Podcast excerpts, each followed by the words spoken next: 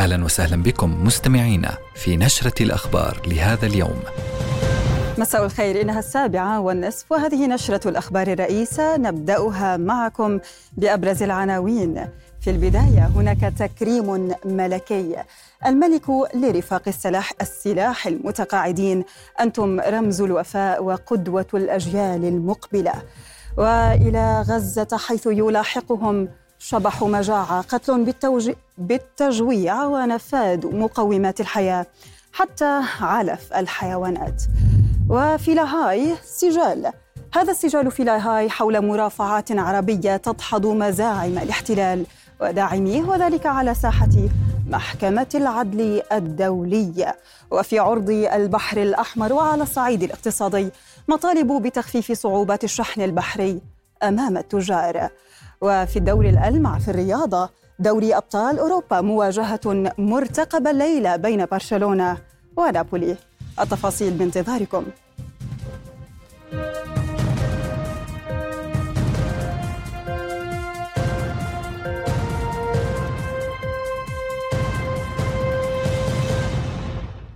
أهلا بكم. أنتم رمز الوفاء وقدوة الأجيال المقبلة. بهذه الكلمات أعرب جلالة الملك عبد الله الثاني القائد الأعلى للقوات المسلحة الأردنية عن اعتزازه برفاق السلاح من المتقاعدين العسكريين والمحاربين القدامى. ومن منطقة الغمر هنأ جلالته المتقاعدين العسكريين بيوم الوفاء لهم مقدرا تضحياتهم من أجل رفعة الأردن والأردنيين. وثمن جلالته دور نشام الجيش العربي والأجهزة الأمنية في الدفاع عن الوطن وجاهزيتهم على الدوام. وأنعم جلالة الملك بميدالية اليوبيل الفضي على مجموعة من المتقاعدين العسكريين وعدد من الشهداء. أنا بين إخواني وأخواتي من رفاق السلاح وإحنا نحتفل بيوم الوفاء للمتقاعدين العسكريين. هذا المكان بذكرنا بالتضحيات اللي قدموها أبناء الوطن الغالي لرفعة الأردن والأردنيين. رفاق السلاح رمز الوفاء والقدوة للأجيال القادمة. وما حدا بينسى دورهم في الدفاع عن الوطن ومنجزاته وعن قضايا الأمة وخاصة القضية الفلسطينية. وما بننسى شهدائنا اللي ضحوا في سبيل الوطن. وبحب أطمنكم أنه جيشنا العربي والأجهزة الأمنية جاهزين باستمرار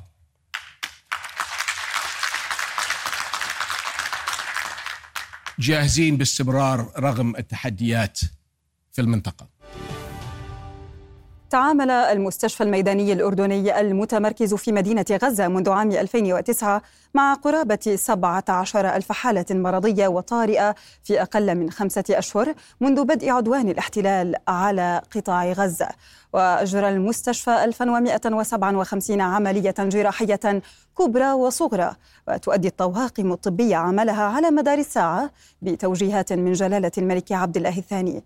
يشار إلى أن القوات المسلحة منذ بداية الحرب أرسلت بالتنسيق مع الهيئة الخيرية الأردنية الهاشمية عبر جسر جوي بواسطة طائرات سلاح الجو الملكي باتجاه مطار العريش الدولي 42 طائرة لغاية الآن وعبر آخر بري بلغ عددها حتى اليوم 295 شاحنة إضافة إلى 11 عملية إنزال جوي نفذ جزء منها بالشراكة والتنسيق مع عدد من الدول الشقيقة والصديقة والمنظمات الإنسانية. ومع تزايد الدعوات الدولية لإحياء الجهود من أجل التوصل إلى حل يفضي لحل الدولتين للصراع المستمر منذ عقود صوتت هيئة الكنيست بالأغلبية على اقتراح حكومة الاحتلال بعدم الاعتراف الأحادي بالدولة الفلسطينية. وقال حزب الليكود الذي يتزعمه رئيس الوزراء بنيامين نتنياهو في بيان إن 99 من أصل 120 مشرعا صوتوا لصالح الإعلان الذي أقرته الحكومة. وفي غضون ذلك قال ما يعرف بوزير الدفاع الإسرائيلي يواف جالنت إن أهداف إسرائيل في هذه الحرب لم تتغير وهي ملتزمة بتدمير حركة حماس وإعادة المحتجزين. وفي وقت سابق قال جالنت إن تعميق العملية العسكرية في غزة يقرب إسرائيل من التوصل إلى اتفاق واقعي لإعادة الأسرى الإسرائيليين من القطاع. ومع دخول العدوان على غزة يومه الثامن والثلاثين بعد المئة توغل الاحتلال الإسرائيلي في منطقة المواصي الساحلية بخان يونس كما واصل غاراته على مناطق متفرقة في القطاع من بينها مدينة رفح المكتظة بالنازحين مخلفا 118 شهيدا و163 جريحا في 11 مجزرة خلال آخر 24 ساعة.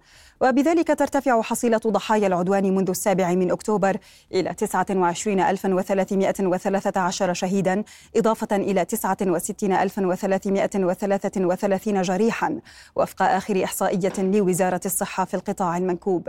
وأعلنت الصحة كذلك عن استشهاد ثمانية مرضى في مجمع ناصر الطبي جراء توقف المولد الكهربائي والأكسجين مشيرة إلى منع الاحتلال إخراج جثامينهم من المجمع لدفنهم.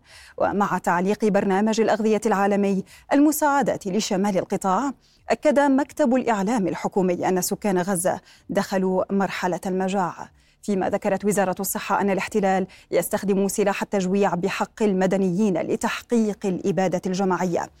وفي السياق أعلن الهلال الأحمر أن الجوع أدى إلى وفاة عدد من الفلسطينيين مشيرا إلى أن الكثيرين لا يجدون الطعام والماء. وخلال الساعات الماضية أوقعت غارات الاحتلال المتلاحقة على منازل بالمنطقة الوسطى أزيد من خمسين شهيدا. كما استهدفت سيارة بدير البلح وجددت زوارقه القصف العنيف على ساحل رفح. يلامس الغزيون خط المجاعة في كارثة إنسانية حقيقية. سيذهب ضحيتها مئات الآلاف. إذا لم يتدخل العالم لإجبار الاحتلال على إدخال المساعدات للقطاع بحسب تصريحات لمكتب الإعلام الحكومي. يأتي ذلك تزامنا مع الكشف عن أن نصف مليون شخص في غزة يفتقرون لأبسط الحاجات الأساسية من غذاء وماء ورعاية صحية. في اليوم الثامن والثلاثين بعد المئة لحرب الاحتلال على قطاع غزة. تتحول المخاوف من وقوع مجاعة إلى كابوس حقيقي يهدد حياة مئات آلاف المواطنين في مدينة غزة وشمال القطاع. إذ يعاقب الاحتلال أكثر من 600 ألف فلسطيني صمدوا في منازلهم شمال القطاع بمنع وصول شاحنات المواد الغذائية والمساعدات الطبية لهم منذ بداية حرب الإبادة والتجويع. بل كشفت وثائق أممية أن الاحتلال استهدف قافلة مساعدات تابعة للأمم المتحدة مطلع الشهر الحالي. كانت تحمل إمدادات غذائية وسط القطاع لمنعها من التقدم إلى الجزء الشمالي من قطاع غزة. شاير. شاير مطحون أكل حمير. بالنسبة للأكل معدومين. الحمد لله. هاي أكلنا. لجأ السكان خلال الأسابيع والأيام الماضية إلى تناول الفاكهة التالفة. وحولوا حبوب الذرة والشعير المخصصة لصناعة أعلاف الحيوانات إلى ما يشبه الخبز لسد جوع الأطفال. لكنها اليوم لم تعد موجودة. فيمضي الأطفال والمرضى الأيام والليالي دون غذاء أو ماء. ما أدى بحسب الهلال الأحمر الفلسطيني إلى وفاة عدد من المواطنين من بينهم أطفال. الحين بيجيبون صغار من تحت الردم بنحلوا أكل الدواب اللي بقينا نأكله أكرمكم الله خلص. ما ضلش عنا منه. وعلى وقع هذه المأساة وتصريحات اليونيسف بارتفاع معدلات سوء التغذية بين الأطفال إذ يعاني واحد من كل ستة أطفال دون سن الثانية من سوء التغذية الحاد. فقد أعلن برنامج الغذاء العالمي عن وقف مؤقت لتسليم المساعدات الغذائية إلى شمال القطاع حتى تسمح الظروف بتوزيع آمن. بطل في عنا أصلا مقومات للحياة إنه إحنا نعيشها.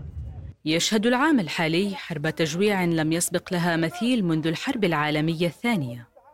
ليصبح سكان قطاع غزة يشكلون أكثر من 80% من مجموع الأشخاص الذين يواجهون المجاعة في جميع أنحاء العالم. عدا عن انتشار الوباء وانعدام الدواء واستمرار الاحتلال بقصف المنازل واعتقال المواطنين وتدمير المشافي. من فلسطين المحتلة آية الخطيب رؤيا. ومع احتدام المعارك بمحاور عدة أبرزها مدينة غزة وخان يونس. أعلنت كتائب القسام قنص جندي واستهداف دبابة ميركافا بقذيفة الياسين في حي الزيتون الذي يشهد اشتباكات ضارية منذ الأمس.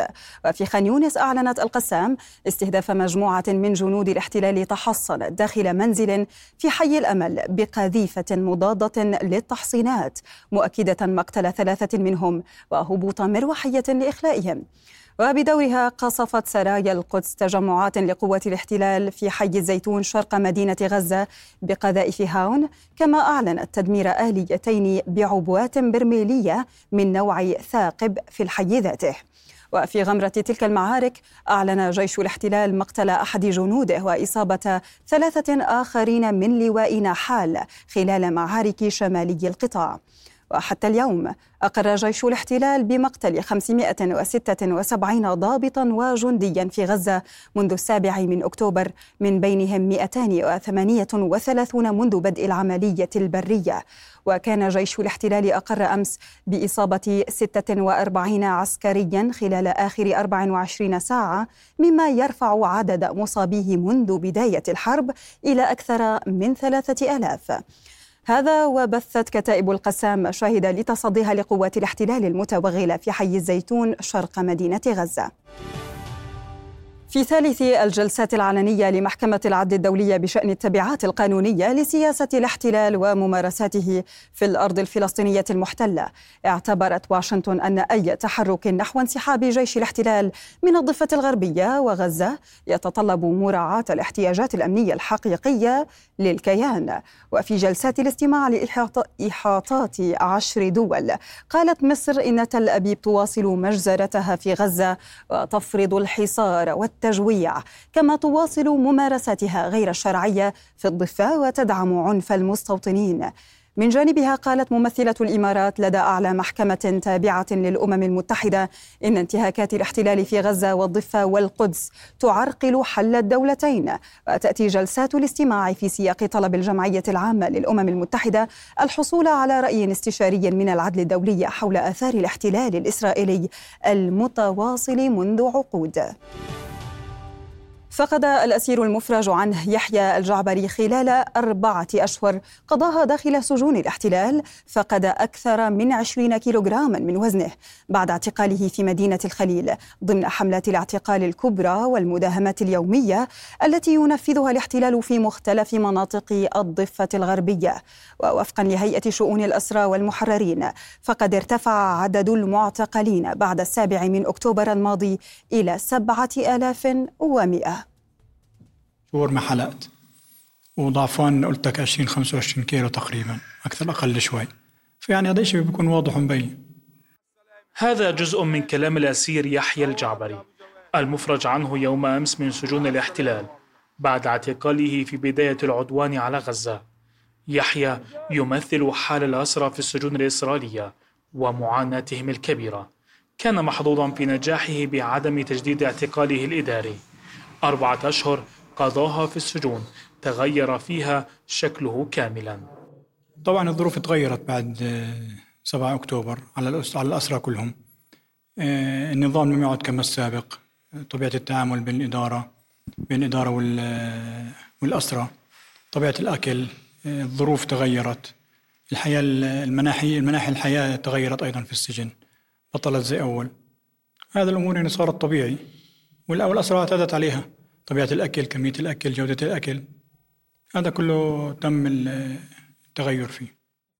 حملات اعتقال كبيرة شنتها قوات الاحتلال منذ السابع من أكتوبر. تراجعت حدتها قليلا الشهر الماضي قبل أن تعود مجددا في هذه الأيام حيث وصل عدد المعتقلين حسب هيئة شؤون الأسرى إلى أكثر من سبعة آلاف معتقل. غالبيتهم تم تحويلهم إلى الاعتقال الإداري. هذه الأعداد التي آه، الأعداد الهائلة من المعتقلين هي بالمناسبة لم تتوقف ولم تتراجع وإنما هي ماخذة بحد بعملية تصاعد منذ اليوم الأول السابع من أكتوبر حتى يومنا هذا. الآن هناك استعدادات لدى حكومة الاحتلال في كيفية مواجهة التطورات والأحداث التي قد تنجم نتيجة قدوم آه، وحلول الشهر الفضيل شهر رمضان المبارك في ظل استمرار العدوان وفي ظل استمرار عملية الإبادة في قطاع غزة من خلال تكثيف عمليات الاعتقال مرة أخرى بسببين سبب عدم حدوث أحداث تضامنية مع أهلنا في قطاع غزة من ناحية والسبب الآخر هو العملية الانتقامية داخل مدن الضفة الغربية. عمليات الاعتقال ترافقها حملات تنكيل واعتداء بالضرب المبرح على المعتقلين فضلا عن تهديد ووعيد للمفرج عنهم وعائلاتهم في ظل الأحداث الدائرة في الضفة الغربية واقتراب شهر رمضان الكريم. أعداد المعتقلين في ازدياد. ظروف مأساوية داخل سجون الاحتلال. الاعتقال الإداري هو حال غالبية الأسرى حملات لا تتوقف خوفا من تصعيد محتمل في شهر رمضان المبارك. من الخليل محمد العدام رؤية اعتصم العشرات على دوار المنارة وسط مدينة رام الله في تظاهرة دعت إليها الحراكات الشعبية ومؤسسات المجتمع المدني احتجاجا على استمرار مجازر الاحتلال في قطاع غزة تحت عنوان لن نعتاد الإبادة كما ندد المشاركون بجريمة قتل الاحتلال للأسير خالد الشاويش في سجون الاحتلال في ظروف لم تتضح حتى الآن إذ أنه تعرض منذ اعتقاله عام 2007 للإهمال الطبي رغم سوء وضعه الصحي ليكون بذلك عاشر أسير يرتقي بعد السابع من أكتوبر. المجازر وحرب الإبادة الدموية التي يشنها الاحتلال على أهلنا في قطاع غزة هي تستدعي توسيع هذا الحراك الشعبي على كل المستويات والعمل بكل الطاقات الممكنة من أجل التأكيد على وحدة هذا الدم والموقف. رفضا لكل إجراءات الاحتلال. إرادة شعبنا عصية على الكسر وهذا الاحتلال لن ينجح في تمرير آه، مخططاته الهادفة إلى تصفية القضية الوطنية للشعب الفلسطيني. نحن في وحدة سياسية ميدانية واحدة. رفضا لكل ما يسمى اليوم التالي لحرب الإبادة على الشعب الفلسطيني.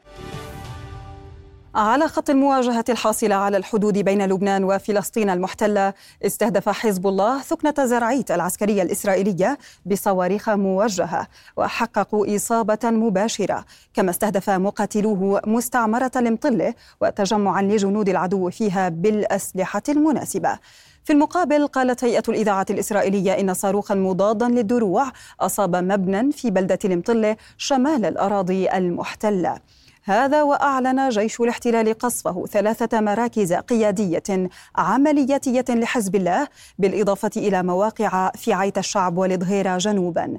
وأمام الإصرار الإصرار الإسرائيلي على التصعيد والاستفزاز وتنفيذ عمليات في العمق اللبناني يبدو أن حزب الله ومن خلفه إيران يعتمدان الصبر الاستراتيجي في مواجهة العدوان.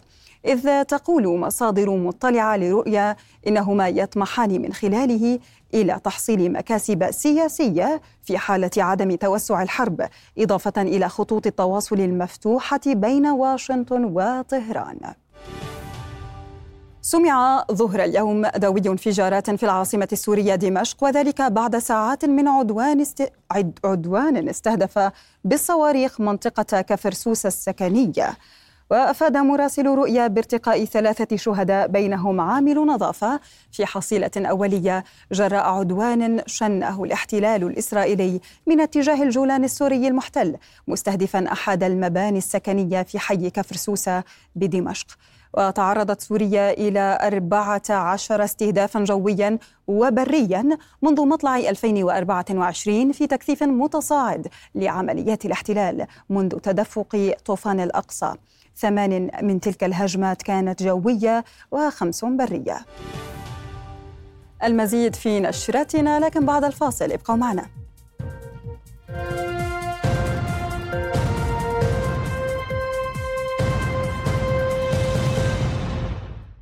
أرحب بكم من جديد وهذه العودة تكون مع أخبار الاقتصاد. يقدمها لكم حمدان عايش. مساء الخير حمدان. مساء الخير رفع. أهلا بكم. طلب فريق عمل إدارة ومتابعة أزمة الحاويات الناجمة عن التطورات في البحر الأحمر باتخاذ إجراءات تسهم في التخفيف من الصعوبات التي تواجه المستوردين والمصدرين.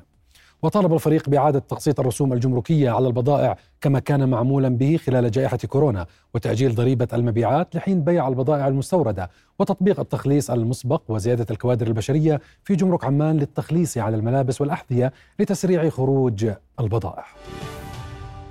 وافق مجلس الوزراء على الأسباب الموجبة لمشروع نظام ينظم عملية تأجير وتملك غير الأردنيين والأشخاص المعنويين للأموال غير المنقولة خارج حدود محمية البتراء الأثرية أو المواقع الأثرية الأخرى في إقليم البتراء التنموي السياحي.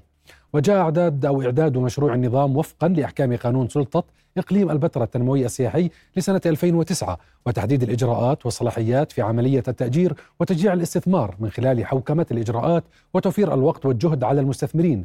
وأحال مجلس الوزراء المشروع إلى ديوان التشريع والرأي للسير في إجراءات إقراره حسب الأصول بهدف الترويج للتلفريك عجلون استحدثت المجموعة الأردنية للمناطق الحرة والمناطق التنموية بالتعاون مع إحدى شركات النقل المحلية خط نقل مباشر من محافظات الشمال إلى التلفريك ذهابا وإيابا. وكشفت المجموعة عن دراسة لإضافة المواقع الأثرية والسياحية في عجلون لمسارات التنقل مستقبلا لتوفير خيارات أكثر للزائرين. وستنطلق أولى الرحلات من إربد إلى التلفريك يوم الجمعة المقبل وبأسعار رمزية وفقا لمختلف الشرائح العمرية.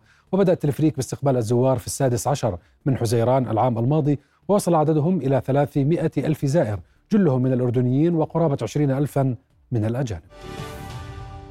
تحذيرات من كارثة اقتصادية وبيئية أطلقها أصحاب المحاجر في عمان جراء استمرار إغلاق مكب الخمخة منذ أشهر دون حل جذري من أمانة عمان.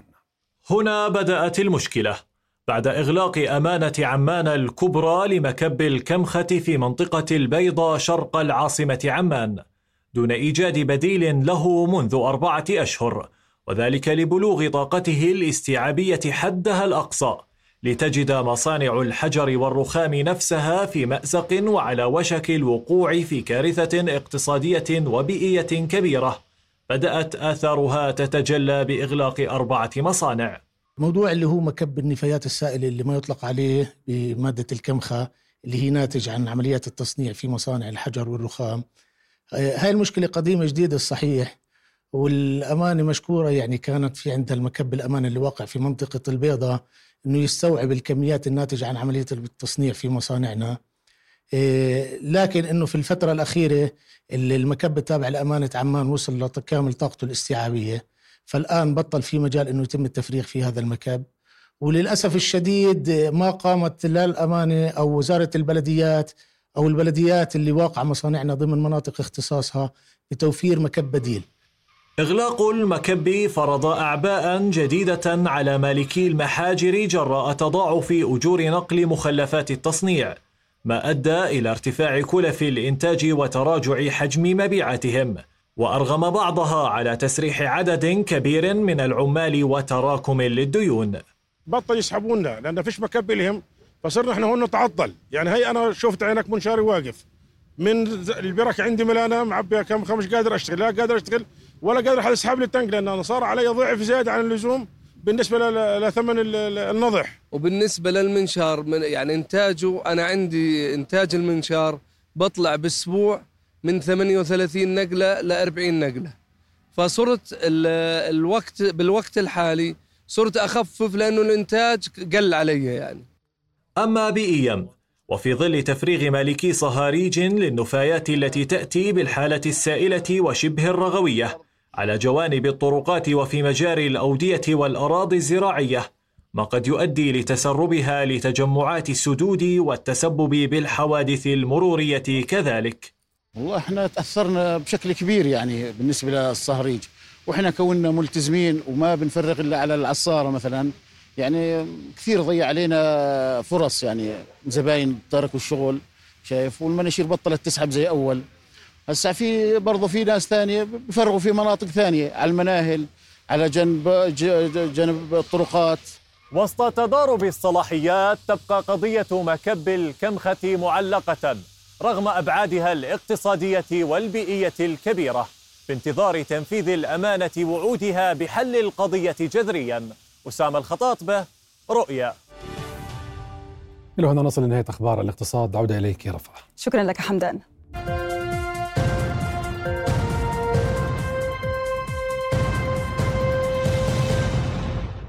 أهلا بكم من جديد.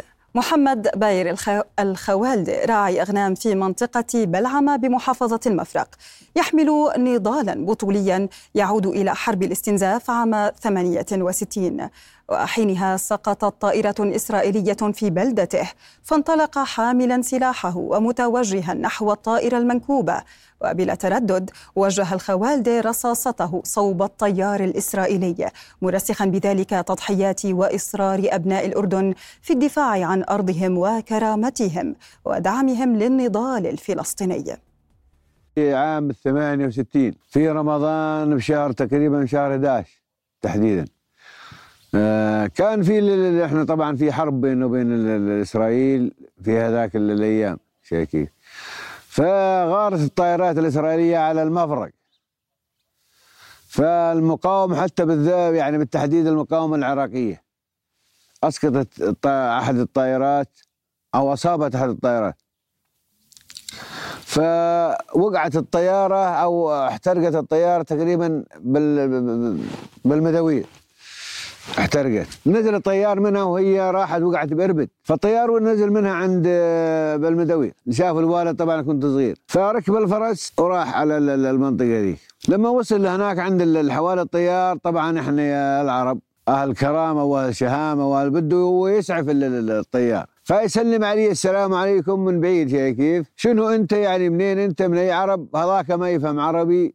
تناول المسدس تبعه. وطخ على أبوي. أبوي في معه مسدس كمان عرف إنه هذا ما هو مو عربي أو مو مسلم. كيف؟ لو مسلم اللي يرد السلام. فصار تبادل إطلاق نار بينهم بين أبوي والطيار. وكان الطيار يرمي سريع والوالد كان يعني يرمي على المسدس. رامي. أجت طلقة من أبوي واصاب الطيار. صاب الطيار براسه. حتى بعد موت الطيار ما عرفوا إنه الطيار هو إلا اجى واحد كان عسكري فقالوا لهم إنه هذا إسرائيلي اللي اللي توفى. بعدها يجوز بنفس اليوم أجت الجيش حتى ما كان مش الامن بسكوتر. أخذوا الوالد. كيف فأخذوه طلبوا آه، الملك حسين الله يرحمه. طلبوا للمقابلة. كرموا هذاك الأيام 300 دينار. بس كانت 300 دينار أول إيش؟ يحسن لأن قيمه لما اجوا اليهود ونزلت الطيارة اثنين آه، شالوه على نقالة كما يقال واثنين نصبوا منصب زي آه، منصب هالكاميرا هيك وأطلقوا النار على الأغنام. الأغنام فكروا من الراعي بيها الراعي إنه هناك الراعي ما كان موجود وكان بعيد فقتلوا 54 رأس من الغنم بالستينات بعد حرب 67 حصلت عدة معارك معارك استنزافية هي تستمر ثمان ساعات وهي تستمر وذروتها معركة الكرامة اللي انتصر بها الجيش الأردني. سمي هذا نقول له بير الطيارة هذا لأبويا والعمامي وهو الطيار الله أعلم أنه على الصخرة هذه. أنا شاهدت خصلة من شعره ومن دمه على الصخرة. قال الدكتور عبد الحافظ أبو عرابي مدير مديرية زراعة إربد إن كميات الأمطار التي شهدتها المحافظة خلال الأيام القليلة الماضية تبشر بموسم زراعي جيد حيث تعمل على زيادة النمو الخضري للمحاصيل الحقلية المزروعة حالياً. وأضاف أبو عرابي أن هطولات الأمطار على معظم مناطق المحافظة وألويتها وقراها ستسهم في ارتفاع مخزون المياه بالسدود وزيادة مخزون التربة من الرطوبة والمياه الجوفية في باطن الأرض إضافة إلى الفوائد التي ستعود على المحاصيل الصيفية والأشجار المثمرة والحرجية وزيادة نمو الأعشاب والمراعي الخضراء لفترة طويلة. بدورهم أشار المزارعون في حديثهم لرؤية إلى أن الموسم المطري الحالي يبشر بفصل ربيعي جيد من حيث نمو النباتات والأزهار البرية المختلفة. هطلت الأمطار في محافظة إربد ويعتبر الموسم المطري هذا العام موسم ممتاز جدا. إحنا بنتكلم اليوم عن حوالي 350 ملم سقطت على محافظة إربد. إحنا نتكلم العام الماضي لنفس الفترة كانت حوالي 70 ملم فالحمد لله الموسم المطري ممتاز ونتوقع إن شاء الله أن يكون هناك إنتاجية للمحاصيل الحقليه القمح والشعير في محافظة إربد. والحمد لله هذا الموسم راح يكون له فائدة على الأشجار الزيتون وعلى القطاع الزراعي بشكل عام. من فضل الله يعني في هذا العام مطرنا بمطر كاف. والحمد لله يعني إن شاء الله بكون تأثيره على الموسم الزراعي ممتاز. ما راح نقول جيد جدا إن شاء الله إنه راح يكون ممتاز والصلاة على النبي. يعني إجانا مطر منذ عشر سنين أو أكثر النسبة هاي يعني ما اجت ولسه لقدام إن شاء الله فيها. بعد أيام على تناول برنامجي من هنا نبدأ مشكلة البيوت المهجورة في جبل الجوفة. اكتفت الجهات المعنية بوضع حاجز معدني فقط كإجراء حل. وكان رئيس قسم رقابة الإعمار في أمانة عمان الكبرى المهندس أنس ربيحات قال لرؤيا إن الحلول لدى الأمانة تقع ضمن مشروع تطوير الأحياء القديمة. جاء ذلك بعد عرض تقرير طالب فيه أهالي المنطقة وتحديدا وادي السرور بإيجاد حلول لمشكلة البيوت المهجورة والتي تحولت إلى مكاره صحية ومكان يرتاده أصحاب السوابق. كيف للإنسان أن يهنأ في نومه؟ وهو يعلم أنه بأي لحظة يمكن لبيت يبعد أمتارا قليلة عنه بأن ينهار. هذا حال سكان وادي السرور في منطقة جبل الجوفة إحنا منطقة سياحية شبه سياحية حيث إنه وقوع آه انهيار لغرفة آه الساعة 11 ونص بالليل آه بسبب إن أمطار الغزيرة حصلت أمس. وبسببها صار الانهيار. وهي المشكلة عرضناها على الأمانة أكثر من سنة. وإحنا بنعاني من هاي المشكلة لا جدوى منها. وإحنا عندنا طلبنا كمان بشارع جديد ولكن بقول لك في بعض العمارات لا نستطيع هدمها طب كيف يعني كحكومة أو كأمانة ما بتقدر تستطيع ان تهد هاي العمارات حيث هي مهجورة أصلا العمارات مهجورة آلة السقوط أصلا. في حي كامل غاد كله مسكر. الحي كامل وراي خلفي هذا كامل كله بيوت مسكرة بالطوب من قبل الأمانة. وما سووا عليه شيء جديد. واللي إحنا اللي واقفين عليه العمرة هاي اللي واقفين عليها برضه آلة للسقوط. هذا المنزل الذي انهارت أجزاء منه نهاية الشهر الماضي.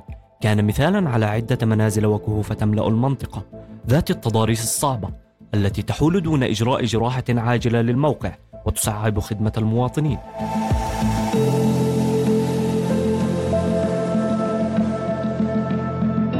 إحنا منطقتنا هلأ حاليا صارت فيها مناطق كثير وبيوت مهجورة صارت بؤرة لتعاطي المخدرات مأوى للحيوانات عندنا حيوانات أفاعي عندنا عقارب. وشغلة تانية مثلا أي صارت هاي حريق ما بوصل بوصلنا الدفاع المدني كتر خيره بس ما بيوصل للمنطقة لأنه في الشوارع فرعية. يعني بيجي على الشارع بيجي على الشارع ما بقدروا يدخل الدخلة. وإحنا طلبنا كثير مع النواب مع احترامي إلهم بس ما حدا تفادنا وفي كثير كثير شغلات في وادي سرور بدها تصليحات. تيارات كهرباء بتقطع كثير بتقعد يومين ثلاثة بالشتاء. وعشانها منطقة بعيدة ما حدا يفكر وكثير بنتصل فيهم. مع احترامي لهم بأخذوا الشكاوي بس ما عم تتصلح. انهيار جزئي بمنطقة الجوفة بالعاصمة الأردنية عمان. عنوان طالما تم تداوله عبر وسائل الإعلام. رؤيا رصدته في الشهر الأول من عام 2017 وفي صيف العام 2018 وعام 2019 والصورة ذاتها تكرر في منطقة تعد البؤرة الأسخن في الأردن إذا ما فتح ملف الأبنية والسلامة العامة سفيان داوود رؤيا. أخبار الرياضة وما فيها من مستجدات تقدمها لكم سميحة مجدلاوية. مساء الخير سميحة. مساء الخير رفا أهلا بكم. حقق فريق الوحدات الفوز على الرمثة بثلاثية نظيفة في المباراة المؤجلة من ذهاب دوري المحترفين والتي انتهت قبل قليل وأقيمت على استاد عمان الدولي ليرفع الوحدات بهذا الفوز رصيده إلى 26 نقطة في المركز الثاني.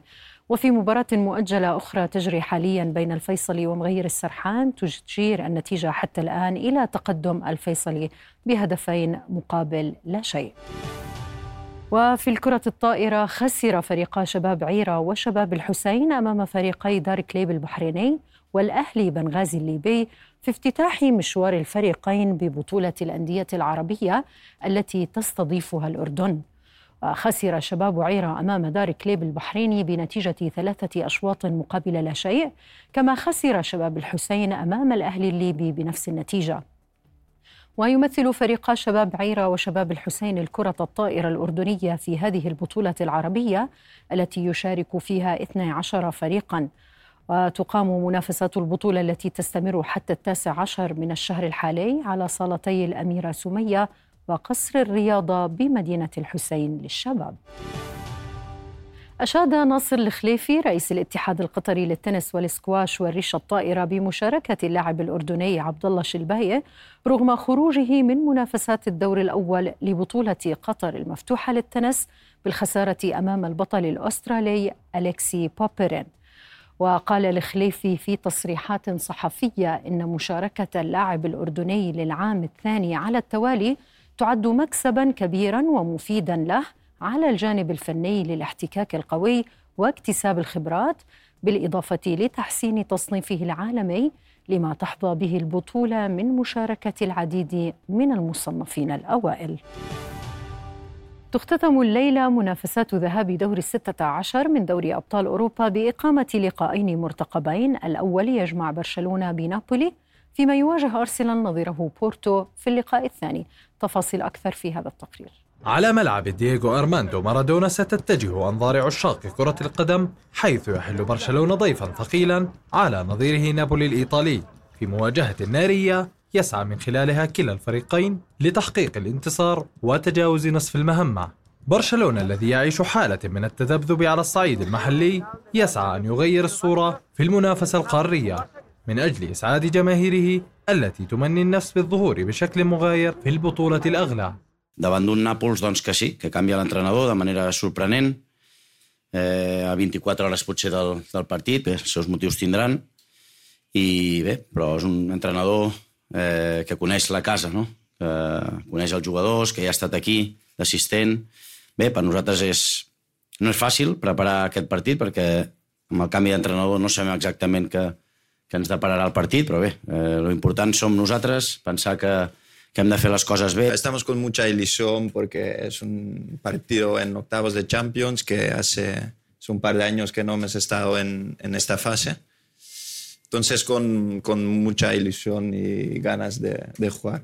على الجهة المقابلة يدخل نابولي هذا اللقاء متسلحا بجماهيره الكبيرة من أجل تحقيق فوز يعزز من حظوظه في بلوغ ربع النهائي قبل لقاء الإياب في برشلونة في مباراة أخرى يخوض أرسنال مواجهة صعبة عندما يحل ضيفا على بورتو البرتغالي في لقاء يدخله فريق المدفعجية منتشيا بسلسلة انتصاراته المتتالية محليا فيما يدخل الفريق البرتغالي. هذه المواجهة متسلحا بعاملي الأرض والجمهور ويخوض هذه الموقع دون خدمات اثنين من أبرز لاعبيه حيث يغيب المدافع النيجيري زيدو سنوسي الذي تعرض لإصابة ستبعده عن الملاعب حتى نهاية الموسم. كما سيفتقد بورتو جهود مهاجمه الإيراني مهدي طريمي الذي أصيب خلال التدريبات.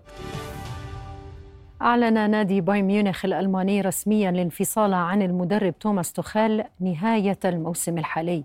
ويأتي هذا الإعلان بعد تلقي بايرن ثلاث هزائم متتالية في آخر مبارياته أمام باير ليفركوزن وبخوم في الدوري الألماني بالإضافة إلى خسارته أمام لاتسيو في دوري أبطال أوروبا. وبفعل هذه النتائج اتسع الفارق بين بايرن وصاحب المركز الأول في البوندسليغا إلى ثمان نقاط قبل 12 جولة من نهاية الموسم. إلى هنا نكون قد وصلنا إلى نهاية أخبار الرياضة. عودة إليك رفاع شكرا لك سميحة. ومن هنا نكون قد وصلنا كذلك لختام هذه النشرة. دمتم في أمان الله.